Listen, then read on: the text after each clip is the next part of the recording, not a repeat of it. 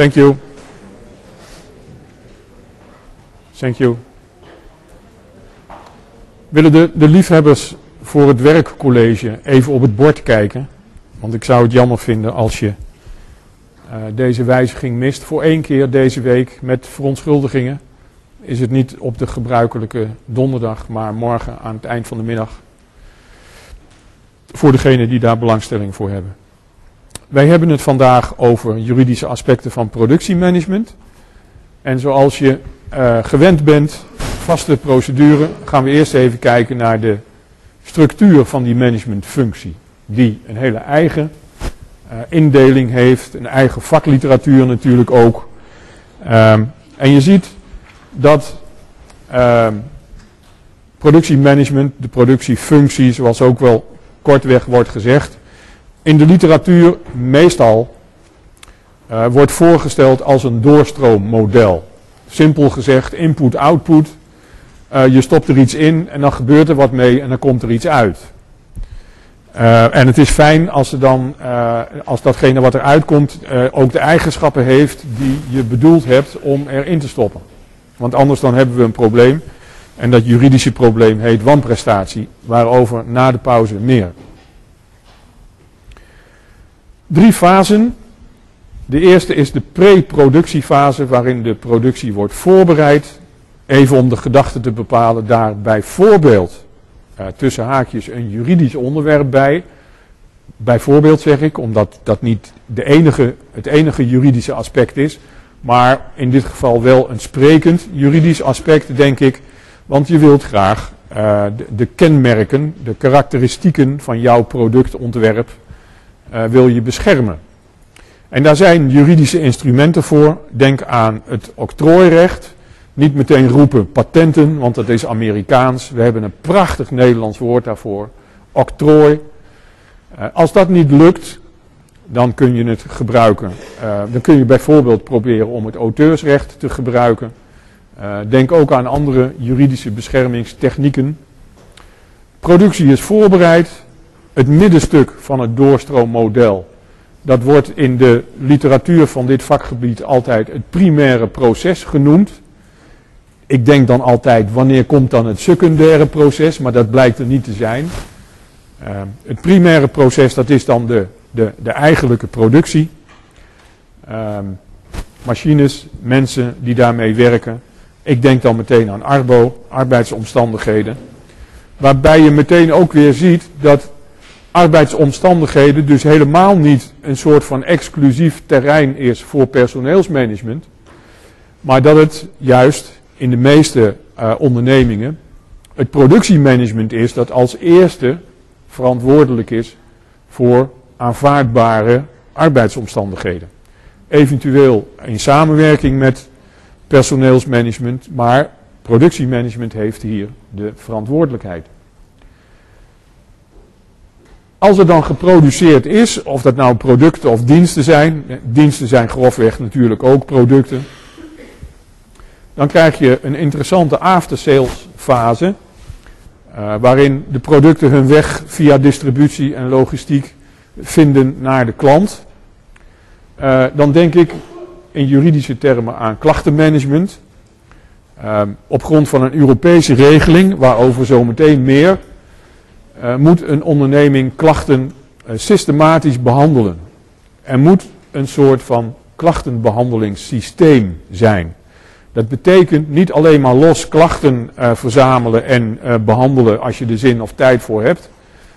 Maar het moet op een systematische manier gebeuren. Als je dat dan toch moet doen, maak er dan ook goed gebruik van.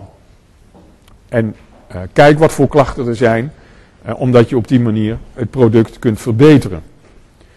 U ziet daar verder twee Engelse termen staan, withdrawals en recalls. in het Nederlands zou je zeggen terugtrekken en terugroepen. De term, het is eigenlijk hetzelfde, het zijn synoniemen. Withdrawal wordt als term gebruikt als het product terug moet naar de fabriek of naar de importeur, terwijl het de gebruiker, de koper, nog niet heeft bereikt. Dus het zit ergens in de markt, het zit ergens in het distributiekanaal.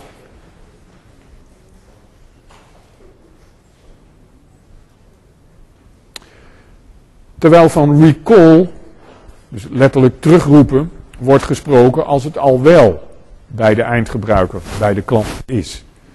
Ehm, misschien dat ik te weinig tijd aan dit onderwerp heb besteed, maar ik ben er niet in geslaagd om uh, de, de, de precieze reden te vinden waarom er nou een onderscheid wordt gemaakt tussen withdrawal en recall. Het zal wel iets met marketing of met logistiek te maken hebben. Misschien dat ik het nog eens een keer vind. Verder, um, om de figuur, uh, de, de structuur van de managementfunctie nog wat beter in beeld te krijgen. Uh, die figuur op pagina 116 van het boek. Als je het boek bij je hebt, wil je misschien even pagina 116 pakken.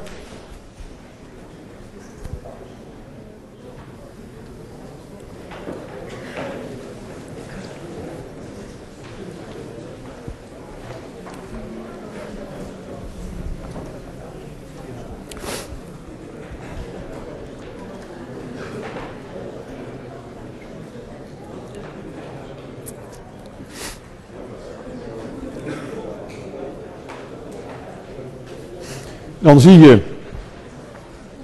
in de figuur aan de bedrijfskundekant de drie fasen van het doorstroommodel. En je ziet uh, aan de juridische kant uh, een aantal uh, juridische subgebieden. En dat is eigenlijk eenvoudiger dan dat zo op het eerste gezicht lijkt. Want als je van links naar rechts uh, productkwaliteit, productveiligheid en productenaansprakelijkheid samenneemt, we zullen zo meteen zien dat dat uh, voornamelijk gebaseerd is op Europese regelingen. Uh, en als we het snel met elkaar eens kunnen worden dat productveiligheid uh, allereerst een kwestie van kwaliteit is, dan mag je die eerste drie samennemen als belangrijke eigenschappen van het product. Dan hebben we het industrieel eigendomsrecht, dat is een verzameling van auteursrecht, octrooirecht, waar ik het net over had. Uh, een verzameling juridische instrumenten om het productontwerp te beschermen tegen diefstal door anderen. Arbeidsomstandighedenrecht, ARBO, hoeft verder geen uh, toelichting in verband met het primaire proces. En dan krijgen we de drie die je weer samen mag nemen, min of meer, om het te vereenvoudigen. Verbintenissenrecht, algemene voorwaarden, consumentenkoop. Na de zal blijken uh, dat als je algemene voorwaarden hanteert, dat het business to business heel anders ligt dan business to consumer. Dus als je consumentenkoop, als je consumentenproducten uh, uh, produceert, dan moet je extra goed letten op je algemene voorwaarden. Nou, dat is eventjes concentreren, focussen op de, de managementfunctie en de, en de juridische structuur ja, de juridische aspecten van de, de structuur van de, van de managementfunctie, doorstroommodel. Um, en wat ik nu belangrijk vind is aan de hand van twee uh, voorbeelden, twee juridische voorbeelden, duidelijk maken dat dat doorstroommodel um, de, de bedoeling heeft om cyclisch te worden. Mensen, ik vind dat er nog te veel onderling wordt gekletst. Ik heb daar last van. Ik moet mij concentreren om een goed verhaal neer te zetten hier. Dat mag je van mij ook verwachten. Dan mag ik van jou, van jullie verwachten dat je daar aandacht voor hebt. En dus dat onderlinge gekletst, dat moet je bewaren tot in de pauze. Daar zijn pauzes voor. Ik heb twee juridische voorbeelden. Onder invloed waarvan dat doorstroommodel cyclisch wordt. Althans, dat zou beter zijn gezien vanuit die twee juridische aspecten. Het eerste is milieubescherming. Uh, het is een, een, gevleugelde uitdrukking om uh, te spreken van green products by design. Als je echt duurzame,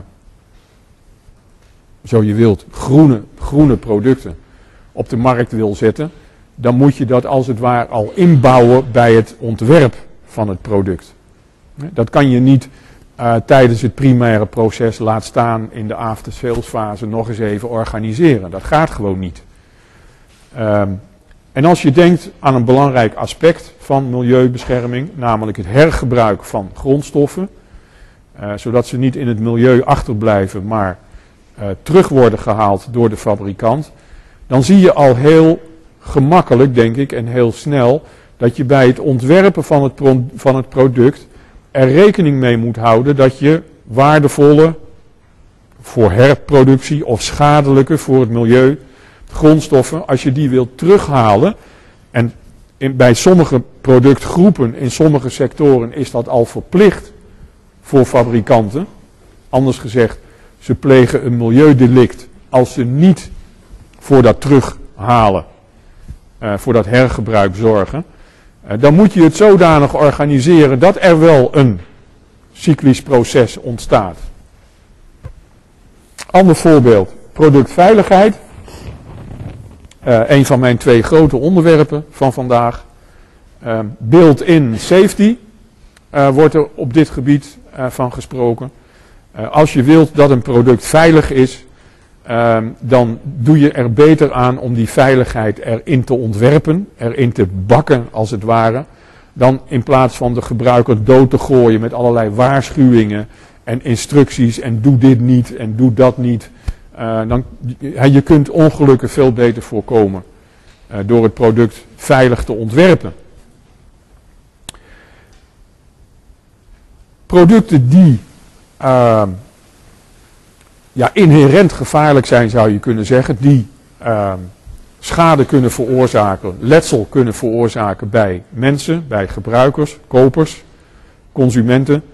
Uh, die producten moeten gemonitord worden, die moeten uh, uh, bekeken worden door de fabrikant vanaf de productie tot aan het gebruik in de eindfase. de Duitsers hebben daar een hele mooie uitdrukking voor.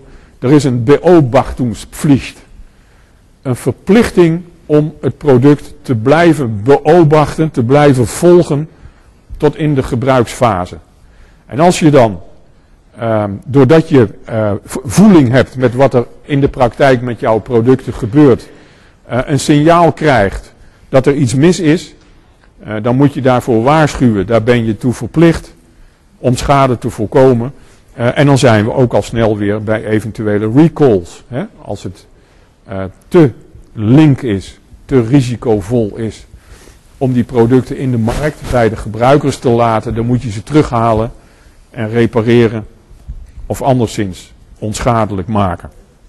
Dus, even tussen conclusie. Kijk je in de literatuur van productiemanagement, kom je heel veel dat doorstroommodel tegen.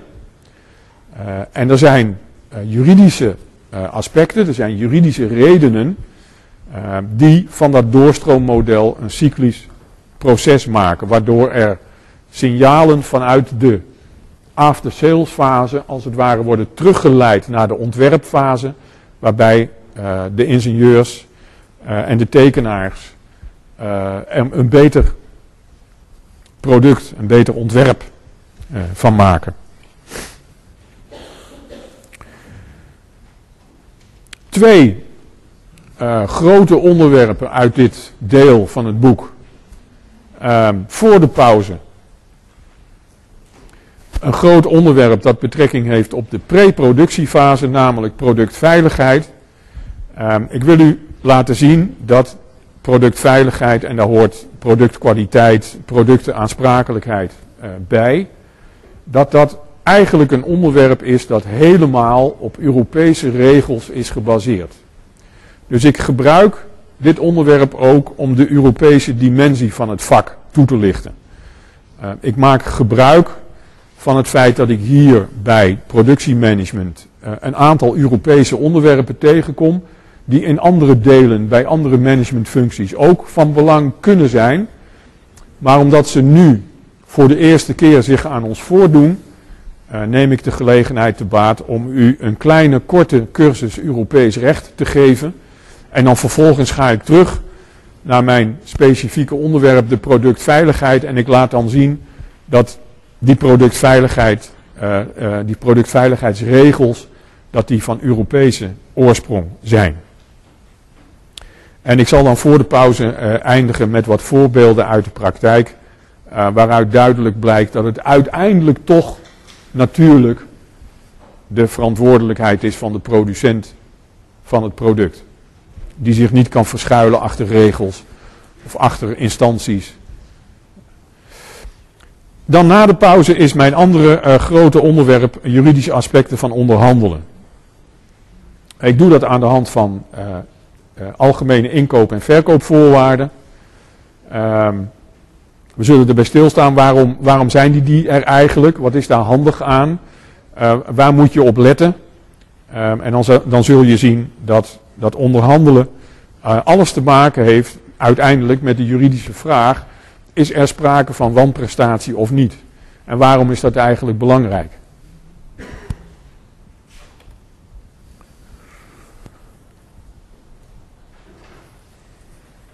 Gek, gek genoeg, misschien schiet, mij nu te binnen een, een, eh, een heel aardig onderwerp voor een, uh, een afstudeerscriptie of een ander uh, onderzoek tijdens je studie, samen met een paar andere studenten misschien. Gek genoeg weten wij niet precies, en ook niet bij benadering, gek genoeg, hoeveel van de geldende regels op dit moment in ons land uit Europa, uit Brussel of uit Straatsburg komen. Dat loopt allemaal via Den Haag.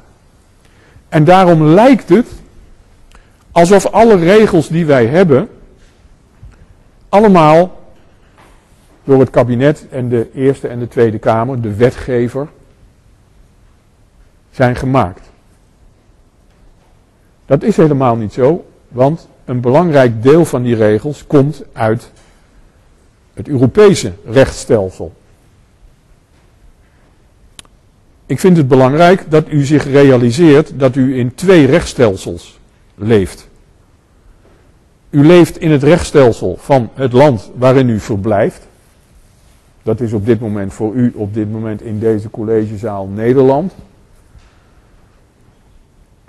Maar vervolgens bent u ook Europees staatsburger, neem ik even aan. En dat betekent dat ook het Europese recht op u van toepassing is. Dus u leeft onder twee rechtsstelsels. En als die nou met elkaar in strijd zijn, nou daar hebben we de simpele regel voor. Dat het Europese recht gaat boven het recht van de lidstaten. Daarvoor hebben we het mooie begrip supranationaal. Zei u dat? Supranationaal, dat zei u hè? Ja, ik kan lip lezen. Wat betekent supranationaal? Vertaal het eens.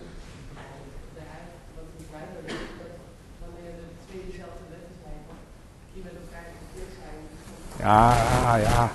His, his master's voice. Wat betekent supra? Boven. Supranationaal, bovennationaal. Daarmee geef je dus aan, het is een conflictenregel. Hè? Als een regel van Nederlands recht in strijd is met een regel van Europees recht, gaat het Europese recht voor. Er zijn wel schattingen uh, gemaakt, die lopen nogal uiteen. Uh, de laagste schatting is 20%. Hallo, laat het even op je inwerken. Hè? 20% van alle regels die op dit moment in Nederland en dus ook in de andere lidstaten van de Europese Unie gelden, zijn van Europese oorsprong. Dus zo belangrijk is het gedoe in Den Haag nou eigenlijk ook weer niet, als ik dat met enige overdrijving uh, mag zeggen. Als je iets wilt begrijpen van uh, het Europese recht en van de Europese dimensie van bedrijfsrecht, uh, dan is het vertrekpunt, denk ik, dat er twee soorten wetten zijn in het Europese recht. Dat is een beetje raar, want iedereen is eraan gewend. Daar ben je als het ware mee opgegroeid. Hè? Ook als je geen jurist bent. Het is helemaal niet erg. Maar dan uh, weet je niet beter of ja, een wet is een wet. Ik bedoel, niemand komt op het idee om te veronderstellen dat er twee soorten wetten zouden zijn.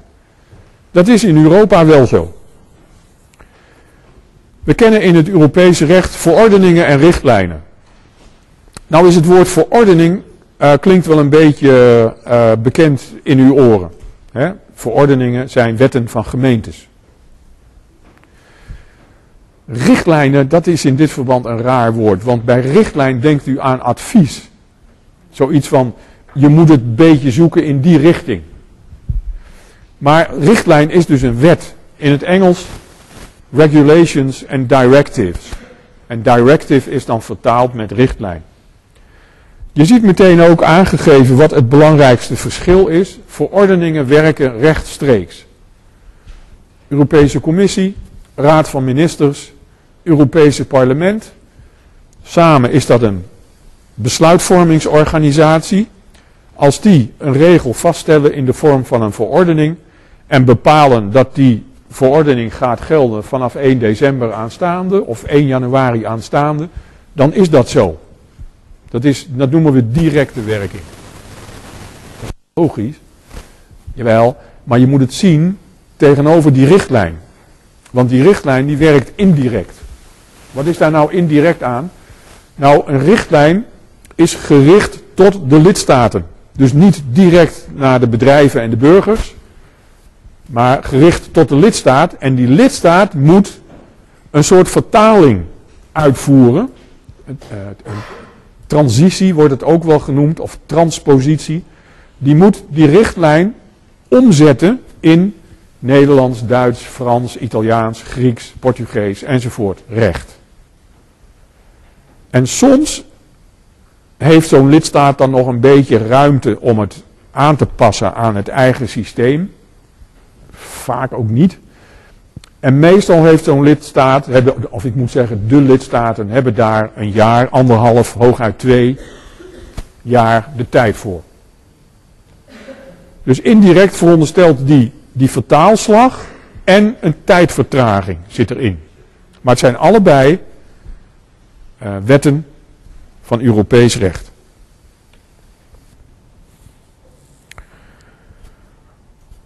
Als je nou kijkt naar een heleboel regels van Europees recht, dan moet je deze twee onderscheidingen hanteren. Je kan er een mooie matrix van maken.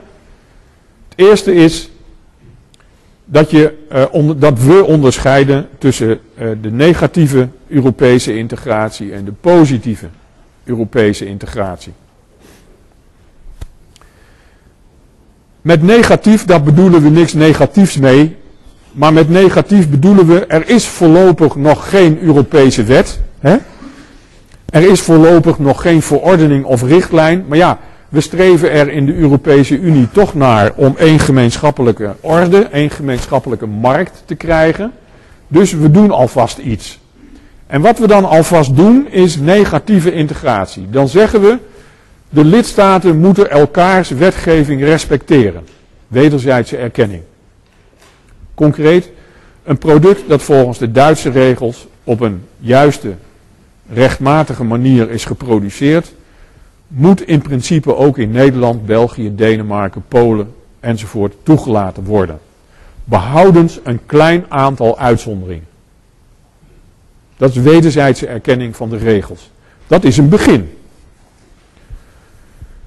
Waar je naartoe wilt, en dat doen we ook langzamerhand, en dat is de Europese ontwikkeling, althans de juridische kant daarvan, dat is opbouwen van een supranationaal rechtssysteem. Dat is positieve integratie. Want voor al die nationale regelingen, wederzijdse erkenning, komt één Europese regeling in de plaats.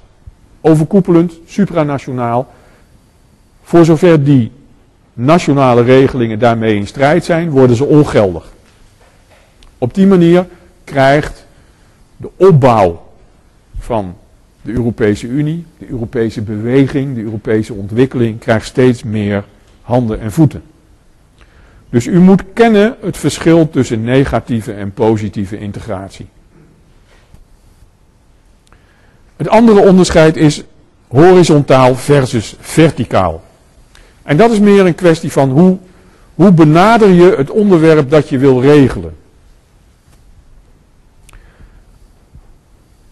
Bij een verticale benadering bedoelen we dat je uh, een, een klein onderwerp neemt en dat probeer je zo uitputtend mogelijk te regelen. Dus als je daar een mijn beeld daarbij is iets wat smal is en heel diep gaat. Stel je voor, je regelt niet de veiligheid van een hele productgroep, bijvoorbeeld liften of, of speelgoed, maar je regelt de, een aantal productkwaliteiten van één product. Als je dat doet, verticaal, hè, het, het idee van een kolom, als je dat doet, kan je heel lang bezig zijn voordat je een deel van de Europese markt hebt geregeld. Daar zijn we van teruggekomen. Vroeger was dit de gebruikelijke aanpak. Wat we tegenwoordig veel meer doen is de horizontale benadering. Breed en ja, oppervlakkig mag je niet zeggen, maar je, je wilt niet alles tot in detail regelen. Je wilt alleen een paar belangrijke dingen regelen voor een hele productgroep. Bijvoorbeeld machines. En dan de veiligheid daarvan. dus niet alle eigenschappen, maar een hele belangrijke eigenschap als veiligheid. Dat is de andere benadering. Dus negatief, positief, verticaal, horizontaal, dat moet je kennen. En als we dan van die algemene begrippen teruggaan naar het onderwerp productveiligheid, de output van het productieproces, dan zie ik dan zie ik, sorry, dan zie ik drie belangrijke Europese regelingen die eigenlijk het hele gebied uh, afdekken. Ik zie een richtlijn productenaansprakelijkheid. Simpel gezegd, iedere producent is aansprakelijk voor de schade die ontstaat door een gebrek, denk aan een veiligheidsgebrek, in het product. Wordt een product op de markt gezet, blijkt een veiligheidsgebrek te hebben, kortsluiting, andere onveiligheid. Daardoor ontstaat schade, letsel. producent die het op de markt heeft gezet is verplicht om die schade te vergoeden. Dat is productenaansprakelijkheid. Dat is een stimulans om producten veilig te ontwerpen. Er is een andere richtlijn. Vroeger waren deze twee richtlijnen uh, uh, broertje en zusje zou je kunnen zeggen. Die vulden elkaar aan. Productenaansprakelijkheid. Het is achteraf als er wat mis is. Productveiligheid, algemene productveiligheid, werkt preventief. Er worden voordat het product op de markt wordt gebracht eisen gesteld aan de veiligheid. Dat kan ook gecontroleerd worden. So far so good. Dat heeft gegolden van 1985 ongeveer tot 2003, 2004. En toen kwam er een verordening. De verordening die in de wandeling wordt genoemd General Food Law.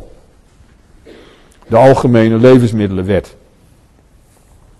En dat was, zul je wel begrijpen, een reactie op nogal wat voedselschandalen die we hebben gehad. Uh, varkenspest, mond- en klauwzeer, uh, BSE, uh, vogelgriep. En zo zijn er nog een aantal uh, die je niet in je voedsel wil hebben. Paniek, doe iets, landbouwsector in discrediet, General Food Law. Als reactie op voedselonveiligheid. Een verordening, geen tijd om te wachten, direct werkend. Ja? Hele belangrijke verordening. Een voorbeeld van wat die verordening regelt. De Europese voedingsmiddelen, voedingsveiligheidsautoriteit. Gevestigd in Parma, Italië. Nou is het beeld bijna compleet, want omdat we vanaf 2003 uit mijn hoofd een General Food Law hadden, was de richtlijn algemene productveiligheid alleen nog maar voor non-food. Want als je een speciale regeling hebt voor food, dan is de algemene regeling daarvoor niet meer van toepassing. Dus die algemene productveiligheid geldt alleen nog maar, alleen nog maar, voor non-food. En deze drie regelingen, productenaansprakelijkheid, geldt zowel voor food als non-food. Die andere twee, gespecialiseerd op het ene en op het andere gebied, bepaalt het hele beeld van de productveiligheid. Niks Nederlandse regels. Al die regels zijn voor heel Europa hetzelfde. En dat is ontzettend handig, want we willen immers één Europese gemeenschappelijke markt.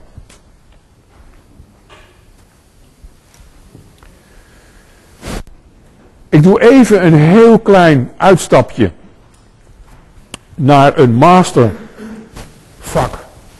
Business Administration.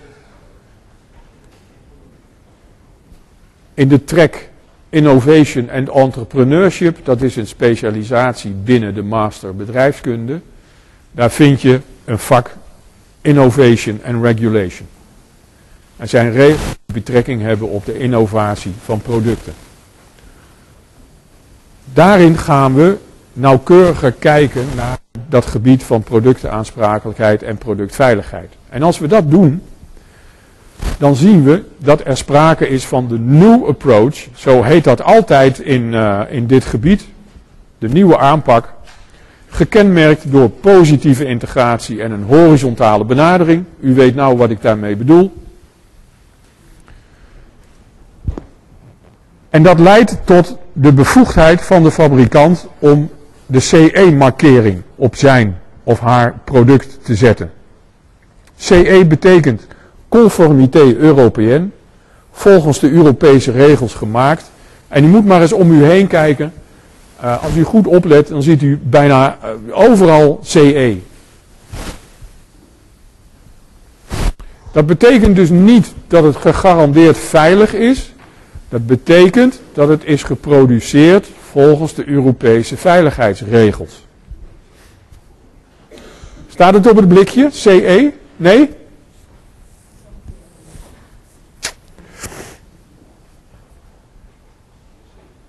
Het is een heel interessant regelsysteem, die CE-markering. Want het is een combinatie van 1 en 2. Het is een combinatie van, zo wordt het genoemd, fundamentele veiligheidsvoorschriften. Die zijn juridisch verplicht. Daar moet je product aan voldoen. In combinatie met technische normen en die zijn vrijwillig. En die technische normen worden opgesteld door producentenorganisaties en consumentenorganisaties samen met geld van de Europese Unie. Dus met geld van u en ons eigenlijk. En dat het positieve integratie is, dat uh, kunt u zien aan het feit dat het allemaal Europese regels zijn, supranationaal. En het is een horizontale benadering omdat het voor grote productgroepen geldt. Hè. Machines noemde ik al, speelgoed noemde ik als voorbeeld. Uh, liften, medische hulpmiddelen, hele grote productgroepen. Zo zijn er inmiddels zo'n 35 die op deze manier zijn geregeld.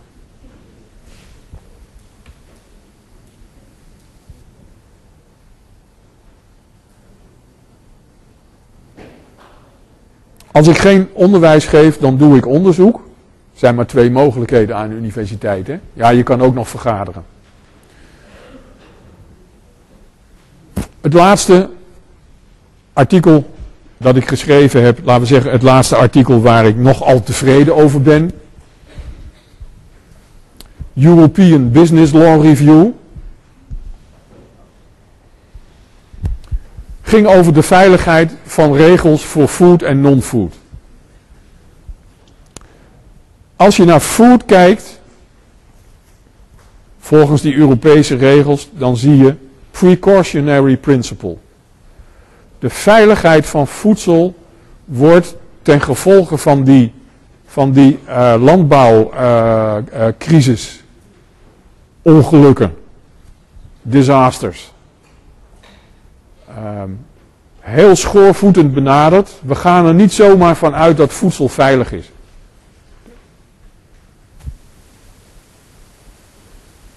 Daar moet nogal wat voor gedaan worden. Dat, is ook een psychologische kwestie, denk ik. Want ja, het gaat allemaal naar binnen. En, en, en wat gebeurt er dan? Als je dat hebt doorgeslikt. Ik bedoel van uh, non-food producten kan je ook doodgaan hoor. Maar ja, bij levensmiddelen dan worden we dan een beetje paniekerig van. Dat moet natuurlijk ook gewoon veilig zijn. Precautionary principle, voorzorgsbeginsel. Extra voorzichtig zijn. Dat is de benadering van de veiligheid van food. Dat is bij non-food heel anders. Als het voldoet aan die Europese regels, dan mag er een CE-markering op. En dan gebeurt er juridisch iets heel interessants, dat heel voordelig is ook voor de producent. Want dan heb ik de presumption of conformity. Presumption betekent veronderstelling. Hè? We gaan ervan uit dat het conform, presumption of conformity, conform de veiligheidsregels is. Dus een controlerende instantie, voedselveiligheidsautoriteit, vroeger noemden we dat de keuringsdienst van waren, die een product uit de handel wil nemen waar CE op staat, die moet bijzonder goed weten wat hij doet. Want een fabrikant die er terecht CE opgezet heeft, oh wee als het niet terecht is. Die er terecht CE opgezet heeft, die mag profiteren van deze presumption of conformity. En dan is er uiteindelijk nog, mijn vierde punt hier, de safeguard clause, zo wordt dat genoemd. Waarom dat nou een clausule moet zijn en geen principle, dat weet ik ook niet. Safeguard principle mag je ook zeggen. Dat is de bevoegdheid van de overheid uiteindelijk voor de veiligheid van de burgers. Dus of het nou om food of om non-food gaat, de benadering is anders, maar uiteindelijk mag de overheid producten van de markt halen. Of het publiek waarschuwen, en dat doet de Voedings- en, de voedings- en Warenautoriteit ook regelmatig. Maar uiteindelijk, later dacht ik, dat eerste punt moet eigenlijk onderaan staan. Een soort van, van bottom line. Per saldo is de fabrikant, de producent natuurlijk verantwoordelijk voor de veiligheid van zijn of haar producten. En ik kan u daarvan een aantal mooie voorbeelden laten zien. Als u goed oplet en u kijkt de komende tijd eens even in wat kranten, dan kunt u ingezonde mededelingen zien. Dat zijn geen advertenties, maar ze worden ingezonde mededelingen genoemd. En ik heb daar een prachtige collectie van aangelegd de afgelopen jaren. En ik gun u nu een blik in mijn schitterende collectie. Dit is een bully. Volgens mij is het een lamp, maar hij heet Bully. Ik neem aan dat Bully mannelijk is en niet vrouwelijk, dus ik zeg maar even, hij heet Bully.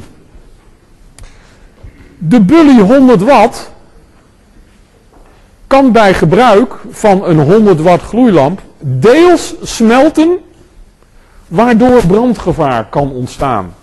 Zijn er studenten uh, communicatiewetenschappen in de zaal?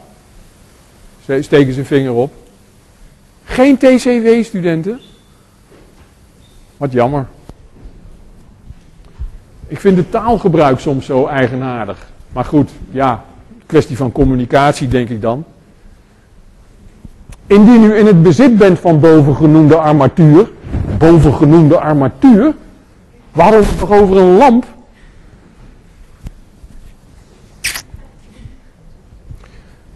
Dan raden wij u dringend aan deze niet meer te gebruiken in combinatie met een 100 watt lamp. Daar is die weer.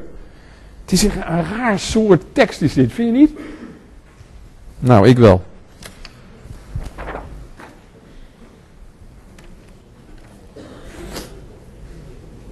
Kijk, dit is nou een hele andere vorm van communicatie. Daar staat tenminste boven waar het over gaat. Speelgoed strandstoeltje. Hoe kom je op het idee om zoiets te kopen, denk ik dan? Maar ja.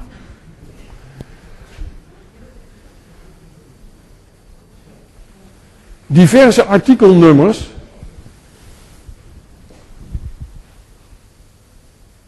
Het speelgoed strandstoeltje kan verwondingen tussen haakjes, blauwe plekken of sneeën veroorzaken. Als de vingers, de vingers van wie? Per ongeluk, oh, tussen de schuivende pootjes terechtkomen. Alsof je het over konijnen hebt. Hè?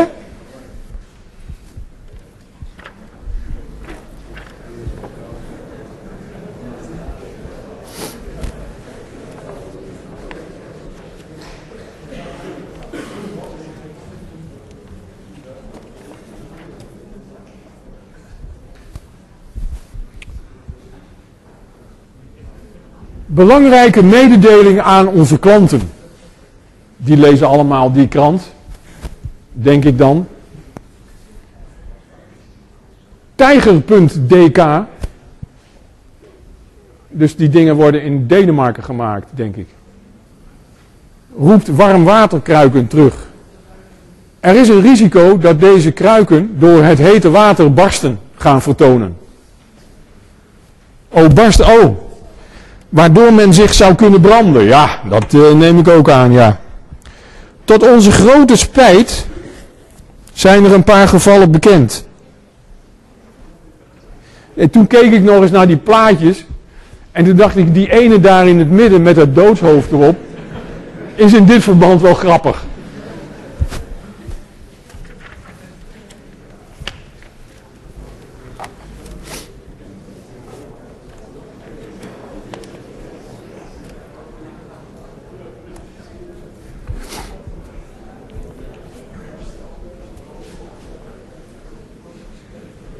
Je moet eens opletten. De feestdagen komen er weer aan en dat is uh, gezelligheid, uh, lampjes, lichtjes enzovoort, weet je wel. Maar ja, voordat je het weet staat je hele huis in de fik. Christmas lights. Elk jaar vaste prik, jongens, je gelooft het niet, hè. De, uh, de decembermaand komt eraan. Wedden dat er weer zoiets gebeurt. Er zijn altijd vaccinelichtjes die, die in een houdertje zitten en het houdertje kan dan smelten. Dan denk ik, welke ingenieur heeft zoiets verzonnen, weet je wel?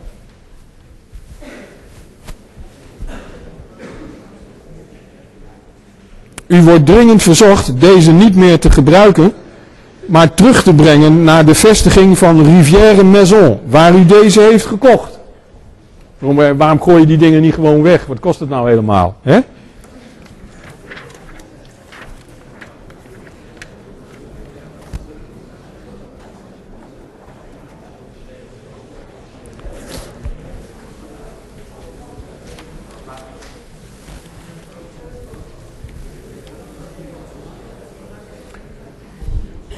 Wees niet bang, het gaat niet de hele middag zo door. Nog een paar, omdat ik het leuk vind. Vouwkruk met een barcode, hoe vind je die?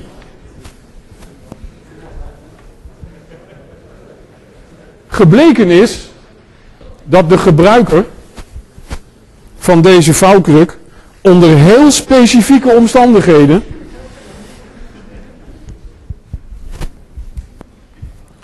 zijn of haar vingers tussen het scharniermechanisme kan krijgen. Mechanisme kan volgens mij gewoon weg.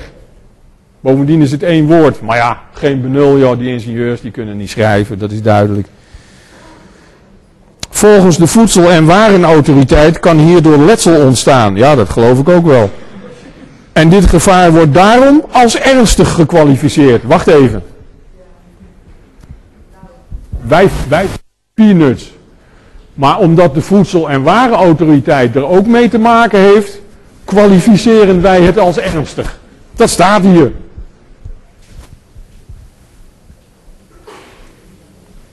Onze verantwoordelijkheid is dan ook om u op dit gevaar te wijzen. Kijk, dat vind ik nou wel mooi, hè? Want je kan nou een beetje grappen maken over deze dingen. En ze zijn ook heel leuk, laten we eerlijk zijn. Maar we hebben hier wel te maken met communicaties van integere, verantwoordelijke fabrikanten. Er zijn er natuurlijk een heleboel die hebben erover vergaderd en die zijn tot de conclusie gekomen dat ze geen slapende honden wakker moeten maken. Wat niet weet, wat niet deert.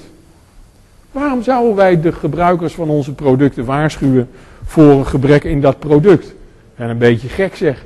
Al dat juridische glazer, schadevergoeding betalen, voedsel- en warenautoriteit, Europese Commissie. Hè? Daar beginnen wij niet aan. Mijn naam is Haas. Dit zijn dus wel de goeie, hè? Dus denk nou even niet wat een pech hebben ze. Nee, het zijn de goeie. Deze die komen, die komen ervoor uit. Nog eentje, omdat we het niet alleen over non-food moeten hebben, maar ook over food. Jammer genoeg in zwart-wit. C1000 stroopwafels. C1000 heeft besloten om dit product uit de winkels te halen en de consument te adviseren het niet meer te gebruiken. Het gaat om de volgende producten. Wij hebben geconstateerd dat de stroopwafels een afwijkende geur en smaak hebben. Ze stinken dus. En daarmee niet voldoen aan onze kwaliteitseisen. Nee, dat mag ik ook hopen. Als u dit product nog in huis heeft, adviseren wij u het product niet meer te gebruiken. Als u het nog in huis heeft, zou het ook in de tuin kunnen liggen dan? Oh, je hebt het al opgegeten. Ja, dan kunnen ze niet meer terug natuurlijk.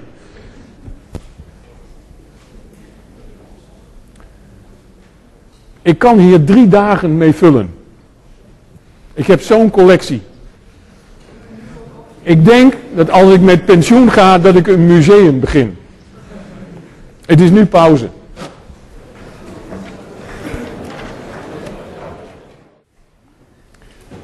Opgehangen aan productiemanagement is onderhandelen. Althans, een aantal juridische aspecten van onderhandelen. Bij productiemanagement heb je het over inkoop en verkoop van grondstoffen, uh, verkoop van producten en diensten als u wilt. Um, en aan dat onderwerp onderhandelen, daar, uh, uh, daar, daar kan je drie verschillende aspecten aan onderkennen. Uh, waar ik uw aandacht op wil vestigen bij het uh, bestuderen van dit deel. U ziet ze hier alle drie staan. Uh, de derde, daar zal ik zo meteen de meeste tijd aan besteden. Um, de eerste is precontractuele verhoudingen. Ik wil daar even kort bij stilstaan met de bedoeling om u erop te attenderen dat u wat daarover in het boek staat goed moet bekijken. Het is een belangrijk uh, onderwerp. Wat is er aan de hand? Um, het gaat natuurlijk allemaal om, op de een of andere manier om contractsvrijheid. Dat is een belangrijk beginsel. Bijna een grondrecht zou je kunnen zeggen. Uh, iedereen is vrij, iedere natuurlijke persoon, iedere rechtspersoon is vrij om contracten te sluiten of niet.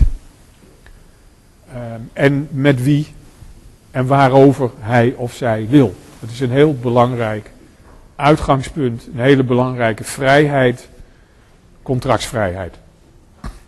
Nou, zou je dan kunnen zeggen bij punt 1. Zolang ik nog niet met iemand een contract heb gesloten, we praten er wel over, dat zou je onderhandelen kunnen noemen, hè? Maar we weten nog helemaal niet of we het wel eens kunnen worden. Uh, laat staan dat we het al eens zijn. Nou, zolang dat nog niet het geval is, uh, kan ik dus ook geen verplichtingen hebben. Want ik heb mij nergens toe verbonden. Uh, dus ze kunnen me nog veel meer vertellen, maar als ik niet gezegd heb deal, hè, of als ik niet ergens mijn handtekening onder heb gezet, dan kunnen ze me niks maken. Nou, het belang van het onderwerp pre-contractuele verhoudingen is nou juist dat soms je toch verplichtingen kunt hebben. En dat is dan ergens gebaseerd, ergens uh, gefundeerd in dat onderhandelingsproces. Terwijl je geen onderhandelingsresultaat hebt bereikt. kan je toch soms verplichtingen hebben. Bijvoorbeeld aansprakelijk zijn uh, voor dingen die je hebt gezegd of gedaan in dat onderhandelingsproces. Dus het is een uitzonderingssituatie. Hè? Contractsvrijheid betekent, ik ben alleen verplicht, ik ben alleen verplichtingen aangegaan als ik een contract heb gesloten. Maar soms toch bij wijze van uitzondering precontractuele verplichtingen. Daar kijken we zo meteen nog iets nauwkeuriger naar. Uh, tweede onderwerp. Algemene voorwaarden. Kijk, met belangrijke klanten, afnemers of, of uh, toeleveranciers, daar onderhandel je mee. Omdat het om veel geld gaat of om een belangrijke inkoop of een belangrijke verkoop. Uh, maar met kleinere partijen, denk even aan business to consumer bijvoorbeeld, is het natuurlijk ondoenlijk om met elke klant te onderhandelen. Daar zijn die algemene voorwaarden voor. Leverings- en betalingsvoorwaarden worden ze ook wel genoemd in de wandeling de kleine lettertjes.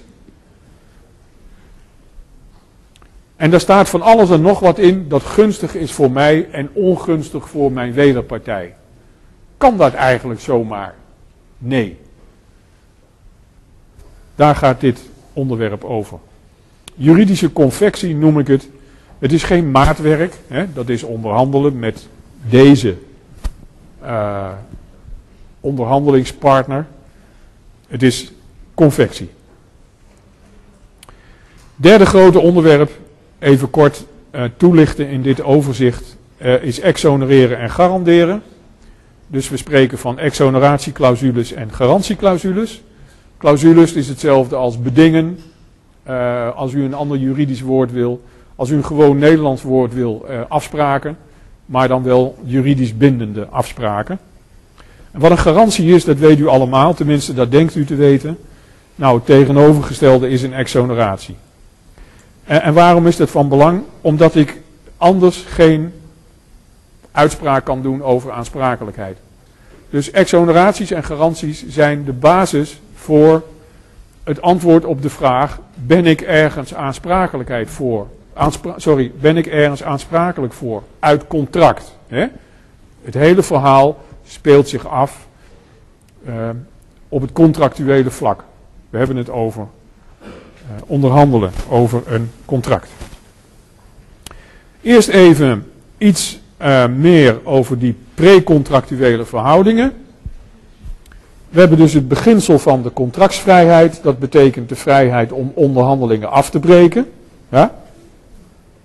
Dat betekent om onderhandelingen voor te zetten, maar het betekent dus ook mutatis mutandis, de vrijheid om onderhandelingen af te breken. Precontractuele verhoudingen, nogmaals voor de duidelijkheid, ziet dus op de situatie van een uitzondering.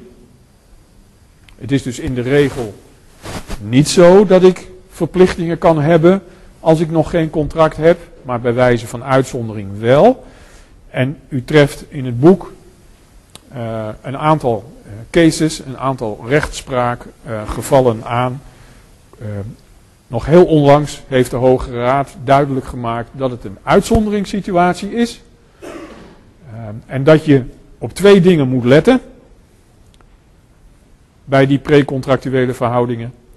Uh, dat is dat je bij de wederpartij het vertrouwen kunt hebben opgewekt uh, dat er wel een deal in zit. Hè?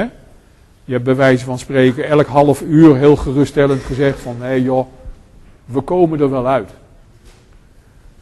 Nou, als je dat nou maar vaak genoeg zegt, dan kan de wederpartij met enig recht van spreken zeggen van ja, maar ik, had, ik mocht het verwachten dat we eruit zouden komen. En nou heb ik geen deal en daardoor leid ik schade, want ik moet met iemand anders weer opnieuw beginnen.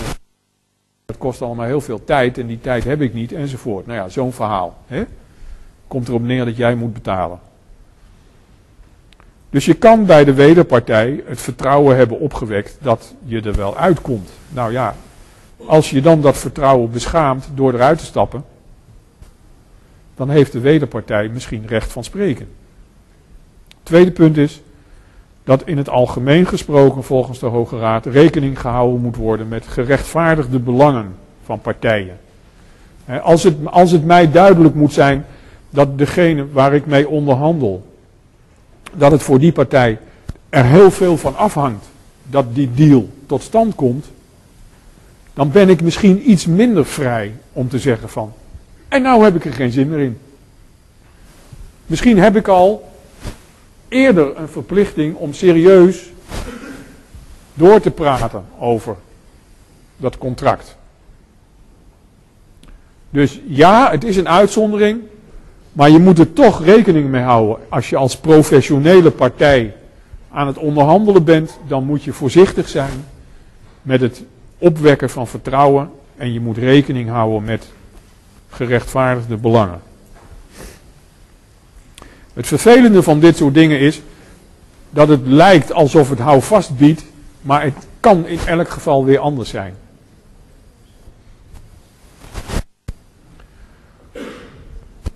Algemene voorwaarden. Tweede onderwerp.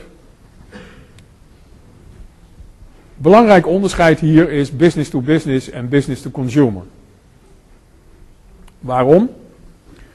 Omdat de wetgever ervan uitgegaan is, en nog steeds van uitgaat, dat in business-to-business -business situaties ik twee gelijkwaardige partijen heb. Die even deskundig zijn op het gebied, evenveel geld hebben, uh, evenveel poeha, uh, evenveel verstand van onderhandelingen en ga zo maar door. Dat, dat middelt elkaar wel uit. Als daar een resultaat uitkomt, dan is dat wel zo ongeveer uh, een redelijk evenwichtig resultaat. Daar hoeven we verder niet zo heel veel aan te regelen. Dat is de gedachte. Wat je in de, praktijk, in de praktijk ziet, dat wordt genoemd de Battle of Forms. In Engeland hebben ze daar het eerst naar gekeken in een studie. Um, Battle of Forms, uh, het gevecht van de formulieren zou je kunnen zeggen, van de standaardformulieren. Uh, standaard gaat het zo. Uh, wij uh, bieden een partij goederen aan tegen die en die prijs. En er staat ergens onder in hele kleine lettertjes, dat je zonder een bril niet kan lezen. Ehm, op, op deze offerte zijn onze voorwaarden van toepassing, die zijn gedeponeerd bij de Kamer van Koophandel te Enschede. En de wederpartij die dat wel een interessant aanbod vindt, die accepteert het aanbod onder de voorwaarde dat onze voorwaarden van toepassing zijn. Hè? Dus beide partijen verklaren hun eigen voorwaarden van toepassing, hè, die natuurlijk vooral voor hunzelf heel gunstig zijn. Battle of Forms. Zijn ze dan allebei uh, geldig? Nee, dat kan niet, want ze zijn tegenstrijdig. Wat moet je dan doen? Nou, dat is het probleem dus. Business to business is er een open norm, een soort van vage algemene regel. Onderdelen van die algemene voorwaarden, hè, dat noemen we dus bedingen of clausules, die onredelijk bezwarend zijn voor de andere partij. Dus ze mogen wel bezwarend zijn, beetje onvoordelig, maar niet onredelijk bezwarend. Goeie vraag, waar ligt de grens? Als ze onredelijk bezwarend zijn, zijn ze niet geldig. Nou, daar moet je een beroep op doen. Uh, dat moet in een rechtszaak, uh, moet dat eventueel uh, vastgesteld worden. Maar redelijk overzichtelijk. Hè? Business to consumer is het allemaal een beetje strenger geregeld. En dat is ook logisch, want die, die, dat evenwicht tussen partijen is er niet. De fabrikant weet alles van zijn product, wat je er wel mee kan doen, wat je er niet kan doen, wat de kostprijs is, wat er voor ingrediënten in zitten, hoe lang het meegaat, enzovoort, enzovoort. Dat weet ik allemaal niet als koper. Daar heb ik toch geen verstand van. Ik kan dat niet beoordelen. Dus consumenten moeten worden beschermd tegen de machtspositie van producenten. En daarom is in business to consumer uh, verhoudingen die open norm vervangen door twee lijsten. En die lijsten worden aangeduid met de zwarte lijst en de grijze lijst. De zwarte lijst die heet zo, dat is allemaal heel zwart, is helemaal heel somber. Uh, want er staan allemaal bedingen op die gelden gewoon niet. Die zijn, niet, die zijn gewoon ongeldig. In een heleboel uh, leverings- en betalingsvoorwaarden staat. Uh, wij behouden ons het recht voor om uh, in de periode tussen uw bestelling en onze aflevering. Omhoog moet je er dan bij denken, hè? Mag niet. Business to consumer. Waarom niet? Staat op de zwarte lijst. Staat toch in een heleboel algemene voorwaarden. Jongen, een heleboel mensen die die algemene voorwaarden maken, die hebben nog nooit van zwarte en grijze lijsten gehoord. Die schrijven maar gewoon wat op, weet je wel. Artikel 1, alles is, in ons voordeel. Dat soort gedoe. Grijze lijst, is ook interessant. Daar staan allerlei afspraken op die je zou kunnen maken. En die worden vermoed onredelijk bezwarend te zijn. Als de tegenpartij daar dan een beroep op doet, zegt in die algemene voorwaarden, daar staan bedingen, die staan op de grijze lijst. Als ik als consument dat zeg, ben ik klaar. Want dan mag de andere partij, de producent, gaan aantonen, aannemelijk gaan maken, dat in mijn geval ze nou juist niet onredelijk bezwarend zijn. Nou, daar zou ik niet aan beginnen, want dat, je weet niet waar je aan begint. Dat is een, hell of a job, dat is buitengewoon lastig. Conclusie. Business to business mag op dit, op dit vlak veel meer dan business to consumer. Je moet er natuurlijk wel één ding bij zeggen. In de meeste gevallen van business to consumer is het misschien niet de moeite waard om naar de rechter te lopen. Business to business, vaak wel. Dus dat uh, is ook een belangrijke verklaring voor het feit dat ook al kent men de regeling van de zwarte en de grijze lijst, men toch maar gewoon dingen opschrijft in algemene voorwaarden die dus niet kunnen. Zeg ja, zo'n vaart zal het niet lopen, weet je wel, ze lopen toch niet naar de rechter. In het volgende deel van het boek zal blijken dat er ook nog een heleboel geschillencommissies zijn.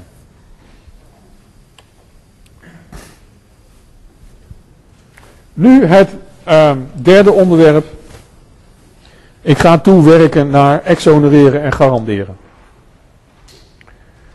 Als je in literatuur kijkt van productiemanagement, operations management ook wel, dan vind je vaak de begrippen productvector en vraagvector. En ik heb begrepen dat productvector, dat is, um, de, alle, dat is de hele verzameling van eigenschappen waaraan het product voldoet.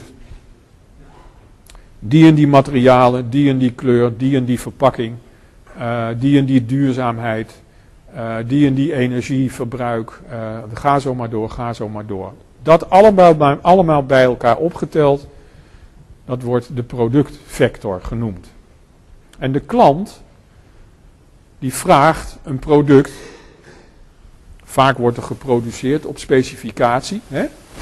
Dan wordt er rondgebeld, kunnen jullie dat en dat product met die en die specificaties voor ons maken? Voor die en die prijs en we hebben het dan en dan nodig. Hè? Voordat je het weet ben je aan het onderhandelen. Wat nu als de eigenschappen van het product after sales na het primaire proces niet voldoet aan de specificaties van de klant. Daar hebben wij een juridisch woord voor en dat is wanprestatie. Met een vraagteken, want dat weet ik nog niet.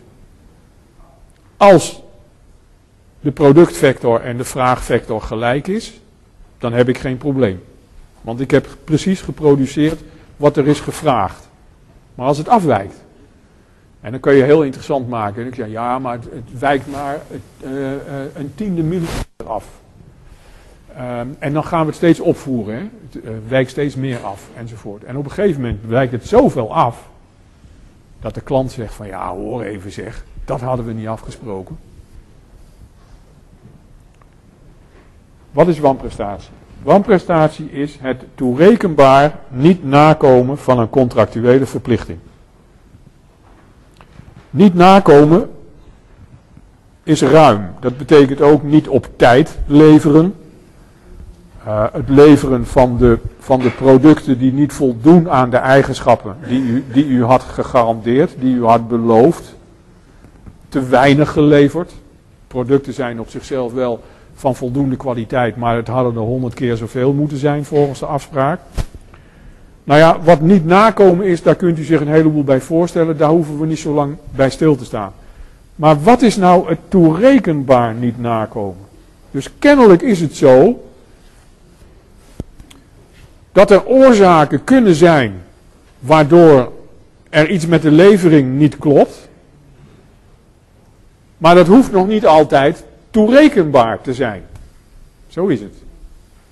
Want wanprestatie is het toerekenbaar niet nakomen.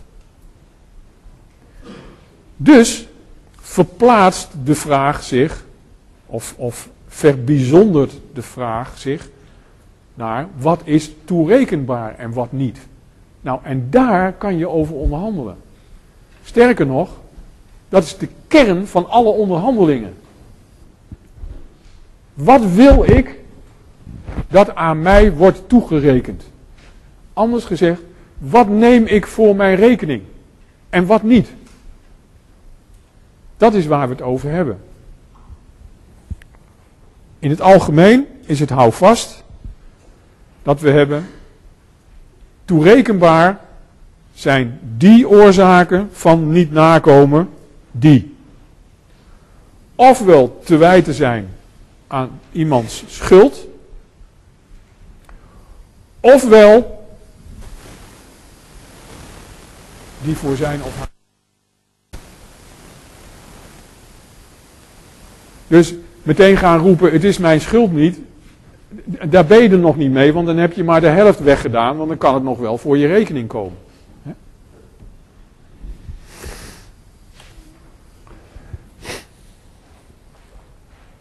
Zo so wat? Ik bedoel, waar maken we ons druk om? Nou, als we tot de conclusie komen dat het wanprestatie is, dus dat de oorzaken van het niet nakomen toegerekend kunnen worden, hè, dan heeft de leverancier, sorry, dan heeft degene die, die de partij heeft besteld, hè, dus de afnemer, de wederpartij, die heeft de keuze uit ja, 2,5 zou je kunnen zeggen. Hij of zij kan kiezen voor ontbinding van het contract. Zeggen, uh, wij hadden wel een, een, een, onderhandelingsresultaat, maar je had al lang moeten leveren, al het gezeur, ik wil het niet meer. Ik ga wel naar een andere leverancier, hou die troep maar. Ontbinding van het contract. Je kan ook zeggen, en nou als de sodemieter moet ik het spul hebben, want je bent al drie weken over tijd. Nakomen. Dat kan ook. En je kan het combineren met schadevergoeding. Moet je wel schade hebben natuurlijk. Anders kan je geen schadevergoeding eisen. Maar degene die wanprestatie pleegt is verplicht om de schade die daardoor ontstaat te vergoeden. Bladzijde 161. Heb je het voor je?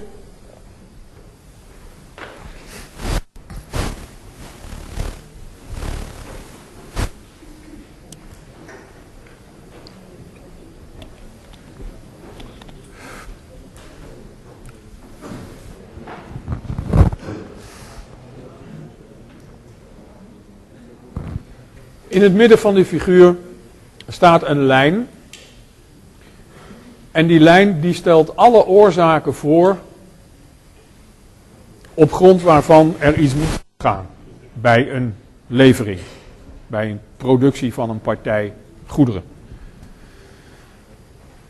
En je ziet links een aantal oorzaken, een deel van die lijn staan, dat wordt toegerekend.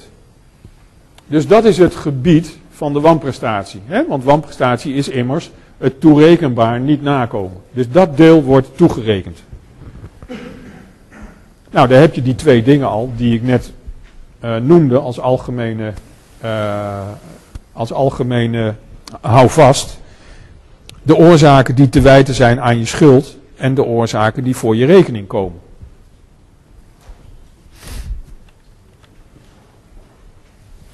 En aan de andere kant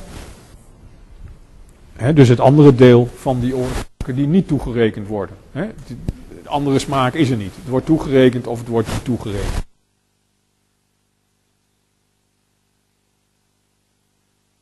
Dat is het punt van waaruit we redeneren. Je moet dus weten waar dat referentiepunt zit. Anders dan ga je eh, zwemmen. Dat referentiepunt dat is de regeling in het burgerlijk wetboek. En die regeling is van aanvullend recht. Wat is dat nou weer? Aanvullend recht is een regel die geldt als je niks anders hebt afgesproken. Er zijn ook een heleboel regels die zijn van dwingend recht. Daar kan je wel van alles en nog wat over afspreken, maar dat helpt niet, want dwingend is dwingend. Hè? Maar dit is een regeling van aanvullend recht. Als je niks afspreekt, wat geldt er dan? Nou, als je niks afspreekt, dan geldt dat, dat aan jou wordt toegerekend wat te wijten is aan je schuld en wat voor je rekening komt. En de rest wordt je niet toegerekend en dat noemen we overmacht. Zo simpel is dat. En van daaruit gaan we redeneren. En als je nou gaat onderhandelen, dan ga je met dat, met dat dingetje wat daar in het midden staat, dat stelt, ik geef toe dat ik een slechte tekenaar ben, maar met enige fantasie kan je er een handvat in zien. Een soort deurkruk staat daar in het midden. En dan kan je vastpakken, dat ding, en dan kan je mee schuiven over de lijn. Dat is de bedoeling. Een soort van, je maakt zo'n gebaar alsof het een strijkijzer is, zeg maar. En, en dat, is, heen, dat is onderhandelen. Heen en weer schuiven over die lijn.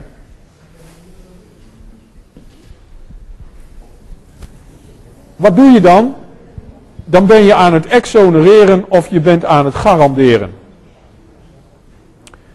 Wat is dat, exonereren? Dat is je aansprakelijkheid beperken. Dus ten opzichte van het referentiepunt ben je het aantal oorzaken dat voor jouw rekening komt aan het verkleinen.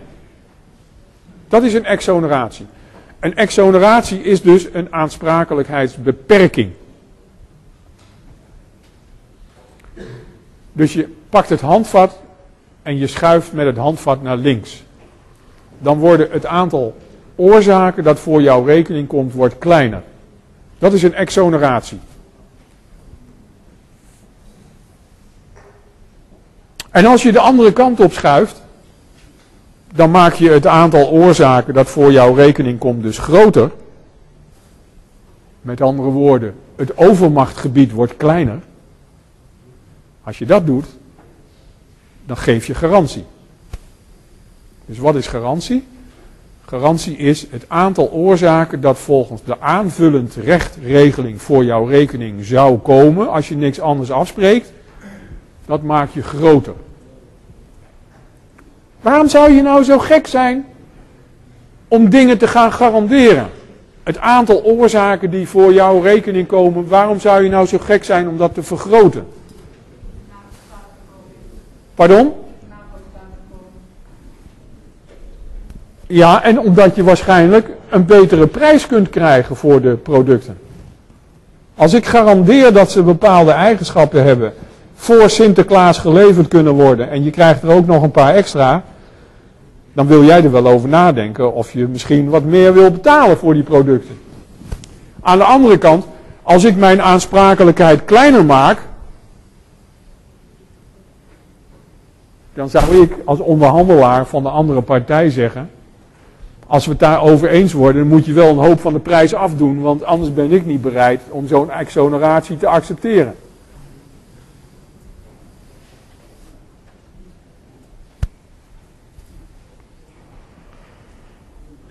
Nou, dan zou iemand op het simpele idee kunnen komen om die schuif, dat handvat te pakken en dat helemaal naar links te smijten, want dan zijn we lekker nergens aansprakelijk voor.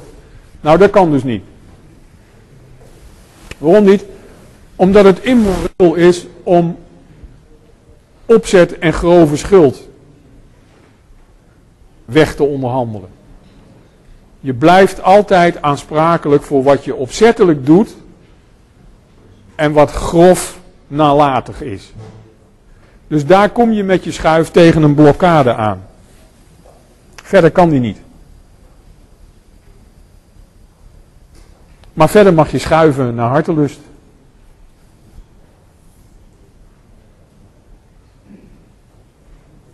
Ik ga wel eens, oh dat zei ik tijdens het eerste college geloof ik ook hè. Ik ga wel eens in een winkel staan. Een lampenwinkel of zo, of, of een andere. Hè, en, dan, en dan moet je gewoon eens luisteren naar wat mensen zeggen. Dan praat ja, ze wel leuk dingen zo. Ja, het is ook wel een aardige prijs. Ja, we maar doen dan. Ja, nou ja, weet je, uh, zit er wel garantie op? Nou, nou verkoper hè. Uh, dag meneer, mevrouw. Uh, ja, wij hebben wel interesse in dit artikel. Uh, zit er wel garantie op? Wat denk je dat hij zegt? Tuurlijk. Tuurlijk zit er garantie op. Stel je voor dat er geen garantie op zit. Geen benul waar hij het over heeft, weet je wel. Helemaal niet. Ja, is gewoon een verkooppraatje. Ja, er zit garantie op. Wat betekent dat dan? Nou, wij verkopen alles met garantie. Weet je wel? Zit ook zo'n, oh, nou, zo'n kaartje zit erbij, weet je wel, met van die slingertjes erop. Zit in de verpakking en dan staat op garantie. Nou, dan denk nou, het zit wel goed, denken mensen dan. Ze lezen het niet eens. Weet je wat er staat? Wij garanderen dit product voor het eerste halve jaar. Wat? Gaat het product maar een half jaar mee dan? Misschien is het dan helemaal geen garantie. Nee, het is een exoneratie, Oem. Ja, maar er staat garantie. Ja, volksverlakkerij. Dat is het. Het is helemaal geen garantie. Waarom niet? Omdat, omdat garantie is het aantal oorzaken voor de aansprakelijkheid uitbreiden. Op deze auto garanderen wij de lak voor 10 jaar. Dat lijkt mij een garantie. Deze wasmachine garanderen wij voor. Noem eens. Vijf jaar? Waardeloze wasmachine zeg. Uit onderzoek blijkt dat de gemiddelde levensduur van wasmachines acht jaar is. Dus begin eens met negen jaar zou ik zeggen. Hè?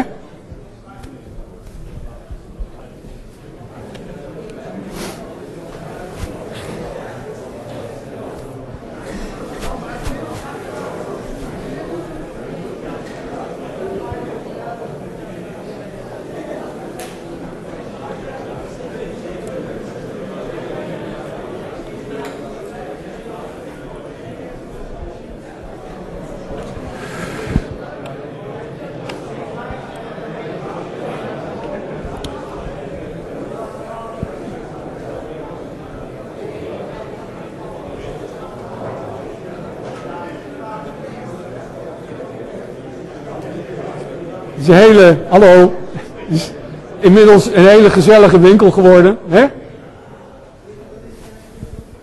Heel gezellig in de winkel. Ja, allemaal over garantie. Weet je, doe mij eens een lol en vraag eens in de winkel, zit er wel exoneratie op? Moet je, moet je doen. Geintje. Even afronden. Even afronden, zijn we klaar.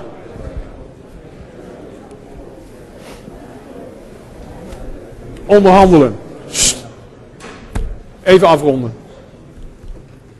Anders blijft het niet hangen. Onderhandelen, juridische aspecten. Waar gaat het over? Het gaat over wanprestatie. Waarom is dat van belang? Nakoming, ontbinding, schadevergoeding. Toerekenbaar, niet nakomen. Wat is toerekenbaar? Grote klanten, daar onderhandel je mee. Hallo, nog even een beetje discipline. Grote klanten, daar onderhandel je mee. Gewone klanten, kleine klanten niet. Dan schrijf je het op in je leverings- en betalingsvoorwaarden. Die moeten aan regels voldoen, anders zijn ze niet geldig. En dan moet je een onderscheid maken. Kijk wat er staat. Moet je een onderscheid maken tussen business to consumer en business to business. Wat is dan de conclusie? voor de geldigheid van die algemene voorwaarden, voor exoneraties die daarin opgenomen zijn. Business to business is deze exoneratieclausule onder deze omstandigheden, in dit geval, hè, deze overeenkomst, onredelijk bezwarend of niet. Dat is de open norm. Dat is de maatstaf bij business to business. Het is je nu duidelijk dat bij business to consumer dat anders ligt. Als ik in algemene leveringsvoorwaarden een exoneratieclausule aantref, dan is de eerste horde die die algemene voorwaarden moeten nemen de wet consumentenkoop. Want daarin staat dat een consumentenproduct moet voldoen aan de verwachtingen die de consument heeft.